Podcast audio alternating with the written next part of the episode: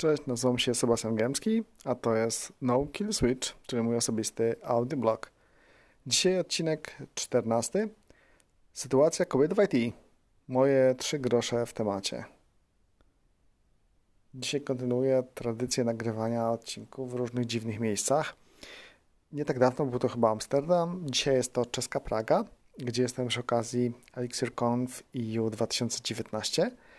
E, ale dzisiaj nie będzie o Elixirze, tylko o sytuacji kobiet w IT, czyli konkretnie e, o faworyzowaniu kobiet w myśl poprawności politycznej lub też e, szykanowaniu i marginalizacji roli kobiet w IT. No, tu opinie oczywiście są skrajne. Mm, pomysły na rozwiązanie problemów wyimaginowanych lub faktycznych, zależnie od tego, która strona się wypowiada, bywają jeszcze bardziej skrajne. E, ja osobiście nie zgadzam się z żadnym ekstremum. E, uważam, że problem pozycji kobiet w IT jest. Osobiście staram się e, stosować obiektywne i merytoryczne kryteria rekrutacji, takie same dla wszystkich. Rekrutacja nie tylko, również później oceny i wynagradzania dla wszystkich, bez względu na płeć, orientację itd. Dlaczego zdecydowałem się nagrać tego posta? E, dlatego, że e, jestem ojcem sześcioletniej dziewczynki. Miałem też, mam cały czas e, siostrę młodszą ode mnie o 8 lat. W związku z tym teraz mam możliwość obserwowania mojej własnej córki, a kiedyś jako trochę starsza osoba, nastolatek, mogłem obserwować w jakich warunkach, w jakiej sytuacji dorastała moja młodsza siostra, najpierw jako dziecko, dziewczynka, później starsza dziewczyna, e, jak pewne kwestie kulturowe właśnie wpływały na, na jej przyszłość, na jej późniejsze decyzje. E, I o tym między innymi chciałbym Wam dzisiaj trochę powiedzieć. Zacznę od tego, że jeżeli chodzi o tak zwany creative work albo knowledge work, to zupełnie nie zgadzam się ze stwierdzeniem, że to mężczyźni albo kobiety się do tego bardziej nadają. Otóż e, dla takiego rodzaju pracy funkcje płciowe, czy ktoś może rodzić dzieci, czy nie, albo jakieś e, różnice w sile fizycznej, nie mają na to żadnego wpływu. E, to, co jest istotne, to jest inteligencja, zdolności poznawcze, umiejętność abstrakcyjnego myślenia, komunikatywność, pod tym względem wcale nie widzę, żeby którakolwiek z płci nadawała się bardziej albo mniej. Także żaden najświeższy raport amerykańskich naukowców, w cudzysłowie, nie przekona mnie, że jest inaczej. No dobra, ale jeżeli mam rację, to z czego wynika to, że na uczelniach technicznych jest tak mało kobiecych e, kandydatek do bycia studentkami informatyki? dlaczego później przy rekrutacji na stanowiska inżynierskie jest tak mało kobiet, które aplikuje. No, z czegoś to przecież musi wynikać, prawda? No więc e, e, problemem tutaj są różnice kulturowe, albo może inaczej, pewne stereotypy kulturowe, e, które no, są ugruntowane od wieków i cały czas jeszcze w jakimś sensie przetrwały z pokolenia na pokolenie. Te stereotypy dotyczą roli kobiety w społeczeństwie, dotyczą sposobu wychowywania kobiet versus sposób wychowywania chłopców. E, I jeszcze raz podkreślę, mówię to jako ojciec sześciolatki. E, moje obserwacje na dzień dzisiejszy, na rok 2019 są takie, że owszem, ta sytuacja jest na pewno lepsza niż to było wtedy, kiedy moja młodsza siostra była w wieku, moim obecnym wieku mojej córki, ale ciągle daleko jest obecnej sytuacji do doskonałości. Prosta sprawa. Patrzymy na zabawki, pomoce naukowe, książeczki, kreskówki skierowane do dziewczynki, do chłopców, bo oczywiście są to praktycznie dwie rozłączne grupy zabawek. Prawie rozłączne. Otóż, jeżeli chodzi o chłopców, sytuacja jest całkiem niezła, dlatego że od razu widać, że to są bardzo często zabawki, które mają wzbudzić ich ciekawość. E, które mają zaszczepić w nich ciekawość świata, taki hacking attitude troszeczkę, e, które mają e, spowodować, że będą oni zadawali pytania, jak to działa, no i będą się sami chcieli przekonać, co można z tego zrobić, albo nawet no, jak to popsuje, to co z tego wypadnie, bo może wykorzystam to do czegoś innego. Zabawki dla chłopców są bardzo często naprawdę rozwijające e, i ja czasami żałuję, że kiedy byłem e, właśnie w wieku mojej córki, to takich zabawek nie miałem, jak dzisiejsi chłopcy. E, w przypadku dziewczynek sytuacja jest diametralnie inna. Wystarczy spojrzeć na zabawki, książeczki dla dziewczynek i okazuje się, że na przykład w książeczkach, jeżeli jest jakaś bohaterka dziewczęca albo kobieca, to zazwyczaj pełni funkcję czysto bierną, wręcz paprotki. Jak ją jakoś opisują, to nie, że była mądra, dzielna, tylko na przykład, że była ładna i to jest jej główny walor. E, dla bohaterek bajek, które są e, wydawane jeszcze do tej pory cały czas dzisiaj, endgame'em takim przysłowiowym jest to, że bohaterka wyszła za księcia i to jest jej sukces życia. E, to jeżeli chodzi o książeczki. Jeżeli chodzi o zabawki, nie jest wiele lepiej, a powiedziałbym, że jest gorzej. Bardzo mało jest zabawek czysto rozwijających. E, takich, które stymulują na przykład do jakiegoś progresu, do tego, żeby robić coś coraz bardziej, coś trudniejszego, coraz e, stawiającego coraz większe wyzwanie. Zabawki mają być dla dziewczynek, mają być słodkie, różowe, włochate, miłe do przytulania. E, najczęściej są to jakieś formy lalek, które mają im pomagać chyba tylko i wyłącznie w ćwiczeniu społecznych zachowań i, i niczym więcej. Mm, no, powiem szczerze, że e, ja widząc to, widząc jak wygląda sytuacja w sklepach z zabawkami, e, stwierdziłem, że przeprowadzę na swoim dziecku pewnego rodzaju eksperyment. Wiem, że muszę strasznie brzmieć, e, natomiast chodziło generalnie o to, tak, tak sobie czasami żartuję, że robię więcej zakupów na Kickstarterze niż w Tesco, żeby bardzo starannie selekcjonować to, czym moje dziecko się bawi. Czyli na przykład programuję sobie sama BBC Microbita, to jest takim mikrokomputerkiem dla dzieci. E, jedną z pierwszych zabawek takich elektronicznych, która miała, był robocik Kubetto, gdzie programuje się e, kierunek jego ruchu właśnie po to, żeby na przykład zbierał z mapy jakiś przedmiot.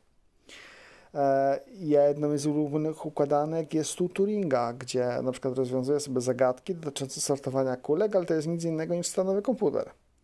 E, gry planszowe, e, które bardzo lubi grać i które często kupujemy, to nie są gry losowe, czysto losowe, gdzie na przykład rzuca się kostką i przesuwa się o tyle pól, ile wypadło, tylko są takie gry, w których ona musi podejmować decyzje, w których musi mieć jakąś swoją małą, prostą na początek, ale mimo wszystko strategię. Więc staramy się otaczać ją takimi zabawkami, które spowodują, że w jej oczach pojawiają się iskierki ciekawości. E, I to nie jest tak, że w ten sposób odfiltrowaliśmy takie zabawki typowo dziewczęce. Nie, ona cały czas ma lalki, e, cały czas ma jakieś misie, przy czym one generalnie leżą i łapią kurz dlatego że przegrywają, w 100% przegrywają konkurencję z tymi zabawkami, które faktycznie mają w sobie coś nieszablonowego, mają w sobie coś niebanalnego, e, które wyzwalają endorfiny, radość z zabawy, bo właśnie dziecko na przykład rozwiązało jakąś łamigłówkę, rozwiązało jakąś zagadkę, ułożyło coś trudnego, albo na przykład wymyśliło coś, czego jeszcze, co wcześniej nie wpadło mu do głowy. Zostawmy już moją biedną córę w spokoju. E, ale patrząc wobec tego zupełnie statystycznie, weźmy kobiety, które aktualnie są w wieku 18 lat i na przykład wybierają sobie jakieś uczelnie, wybierają sobie jakieś studia. Jeżeli taka młoda kobieta była wychowywana e, w sposób, że tak powiem, czysto tradycyjny, czyli karmiona taką tą miałką papką przekazu skierowanego typowo dla dziewczynek, bawiła się zabawkami również przeznaczonymi dla dziewczynek, jakie ona ma szanse w ogóle zainteresować się tematami stricte inżynierskimi, kiedy ona nie miała z tym żadnej styczności, e, nic ją w tym kierunku nie popychało, nic ją nie kierowało, nic nie wzbudzało jej tych, tej ciekawości świata, która jest właśnie niezbędna w tych kierunkach bardziej ścisłych inżynierskich. Ona jest, ona jest przegrana już nie w tym momencie, w wieku lat 18, ona już była przegrana 4, 5, 10 lat wcześniej, bo jej cała edukacja, jej całe wychowanie kierowało ją w zupełnie inne miejsce, kierowało ją w zupełnie innym kierunku. Sprawa jest przegrana. To jest, to jest problem pokoleniowy, to jest problem, którego absolutnie nie da się załatać tak ad hoc, jakąś jedną decyzją, e, jakimś jednym sprytnym posunięciem. To jest pewna świadomość, którą trzeba budować w, w rodzicach e, tych dzieci, które dopiero za x lat wejdą na rynek pracy. Natomiast problem jest do, do załatania już dziś. To nie jest oczywiście jedyny problem bo jak to w takich bardzo mocno zmaskulinizowanych zawodach, zwłaszcza w tak specyficznym zawodzie jak wytwarzanie oprogramowania, gdzie e, grupa programistów jest e, społecznością mocno zamkniętą ze względu na wąskie zainteresowania, na specyficzny język, żargon, rzadką wiedzę i specjalistyczną wiedzę, którą trzeba posiąść, żeby wejść do tej grupy.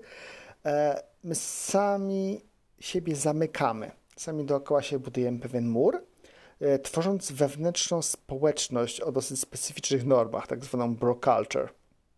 I e, ten, tak jak powiedziałem, te normy są specyficzne, pewne granice zachowań są przesunięte trochę, są akceptowalne, normalnie nie byłyby akceptowalne. E, dla niektórych ten okres takiej pracy właśnie w takim bro culture to jest trochę przedłużenie e, liceum, czy też czasów studenckich, e, bardzo nieformalne relacje, e, nieformalne zachowania, czasami pewnego rodzaju niedojrzałość. I teraz fajnie, że łączy nasz socjal w ramach tego naszego bro culture, ale problem polega na tym, że z kobietą to jest całkiem inny socjal. W sensie, kiedy kobieta próbuje wejść do takiego środowiska, to jest to misja prawie że niemożliwa. Czy wymaga pewnego attitude, wymaga bardzo grubej skóry. E, I sama z definicji, właśnie dlatego, że z kobietą to jest zupełnie inny socjal, że pewne rzeczy po prostu nie są społecznie akceptowalne, czasami odbija się od, od, od ściany e, i takim insiderem nigdy się nie staje, e, bardzo często odbierając nawet niewinne jakieś uwagi czy, czy, czy, czy zachowania jako atak na siebie albo, mm, albo próbę wykluczenia. E, znowu, to nie jest problem, który da się rozwiązać w 5 minut. To jest problem pewnej świadomości. E, to jest problem pewnego zrozumienia, że tak to na chwilę obecną działa, no ale jeżeli chcemy zaprosić do tej naszej społeczności również przedstawicielki płci pięknej, e, no to ta nasza społeczność będzie się musiała w pewien sposób zmienić. E, inaczej to po prostu nie zadziała. Miało być krótko, więc zatrzymamy się na tym etapie. Jeszcze parę punktów podsumowania. Pierwszy punkt, który generalnie nawet nie do końca wynika z tego, o czym mówiłem przed chwilą, e, ale jest bardzo ważny, jest taki, że powinniśmy się wzajemnie szanować. Jak e, jeden homo sapiens, inny homo sapiens, bez względu na płeć, orientacje, przekonania. Możemy się ze sobą nie zgadzać, to nie ma znaczenia. Szacunek wzajemny się po prostu należy. Pewnego stopnia temperatury dyskusji po prostu nie należy przekraczać. E, ważny punkt numer dwa jest taki, że to jest bardzo osobisty znowu. Gdyby nie kobiety informatycy, e, konkretnie dwie informatyczki, ja na pewno nie robiłbym tego, co robię. To jest true story. Gdyby nie to, że e, te osoby zainteresowały mnie w ogóle programowaniem, dały w rękę materiały, książki, e, dostęp do sprzętu, e, to być może ta iskra zainteresowania w tym temacie nigdy by się nie, nie rozpaliła, bo po prostu nie miałaby takich warunków, nie miałaby takiej szansy. Więc za to tym dwóm kobietom jestem do tej pory bardzo, bardzo wdzięczny. E, I to myślę, że to też taki ciekawy wniosek, prawda, do, do, do przemyślenia, tym bardziej, że mówimy tu o naprawdę dawnych, dawnych czasach. E, I ostatni punkt. Mm, problem sytuacji kobiet w IT to jest problem, e, ale tak naprawdę to jest tylko i wyłącznie podzbiór problemu, bo ogólny problem dotyczy nie sytuacji kobiet w IT, ale roli kobiety w społeczeństwie – i tego, jak wychowanie ją do tego przygotowuje. E, pewnych, e, tego, jak stereotypy i pewne archaiczne sposoby myślenia o tej roli kobiety mają wpływ na przyszłość kolejnych pokoleń. I to jest absolutnie temat, który dotyczy nas wszystkich. Nie tylko i wyłącznie jako osób, na których przyszłość to wpływa, tylko jako na przykład przyszłych lub obecnych rodziców, którzy mają wpływ i kształtują przyszłość swoich własnych potomków, kolejnego pokolenia. Więc e, tu potrzebne jest szersze spojrzenie, tu potrzebna jest większa świadomość, e, bo dotyczy to znacznie większej grupy ludzi niż to się tak naprawdę mogło wydawać. E, I każdy powinien sobie przemyśleć, jakiej przyszłości chce dla swojego dziecka, chce dla właśnie swoich potomków, swoich przyszłych pokoleń. Dzięki wielkie za, za wysłanie tego odcinka. Jak zwykle będę wdzięczny za wszelkie komentarze. I do usłyszenia w kolejnych epizodach No Kill Switch.